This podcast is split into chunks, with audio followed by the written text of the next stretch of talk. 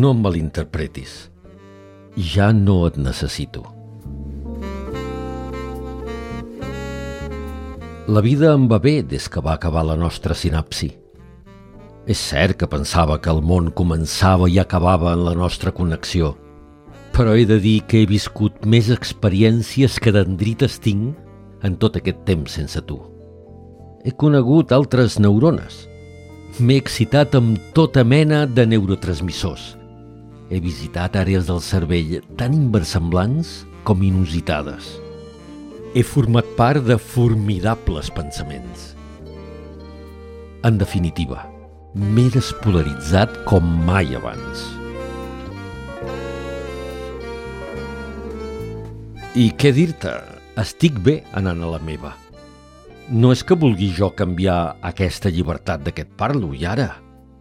Però bé, passa que, com ja te n'hauràs assabentat, fa exactament 83 mil·lisegons en Ramon ha obert un llibre per error i ha trobat aquella flor que l'Anna hi va desar un infaust 28 de març, quan encara sortien.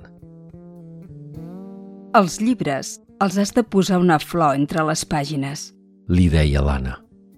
Així, amb el temps, la flor s'asseca i el que en un moment va ser vida, ara queda com a record.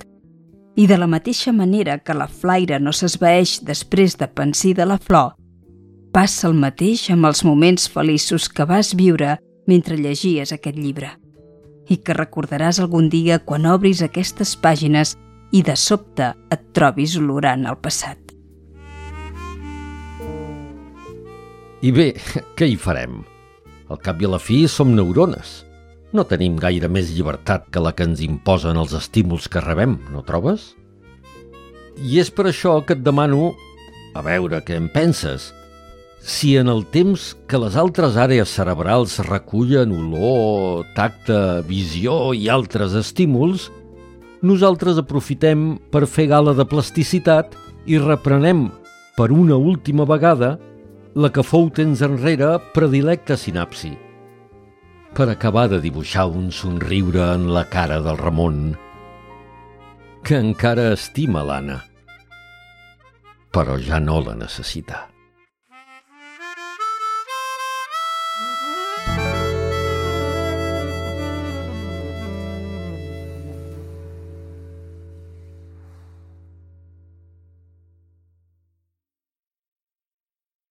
Dependència sensitiva condicional no determinista de J. Darío Solís Sayado Primer premi del quart concurs de microrelats de la Facultat de Biologia de la Universitat de Barcelona 2020 Enregistrament en veu alta